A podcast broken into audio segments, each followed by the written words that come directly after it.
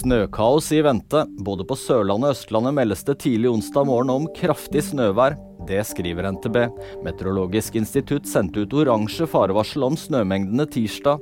Meteorologene advarer bilister og reisende, som bes om å kjøre etter forholdene og beregne ekstra god tid.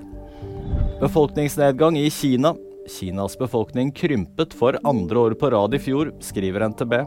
Befolkningsnedgangen var på 2,75 millioner mennesker. Utviklingen er dårlig nytt for landets økonomi på lang sikt. Bekymringen er at færre blir stående i arbeid, samtidig som utgiftene til pensjon og eldrehjem vil øke. Norsk kvinne vant 1,36 milliarder kroner i eurojackpot. Hun hadde ikke sjekket eurojackpot-kupongen og ante ikke hva som hadde skjedd da Norsk Tipping ringte. Kvinnen vant på en kupong til 50 kroner. Nyheter finner du alltid på VG.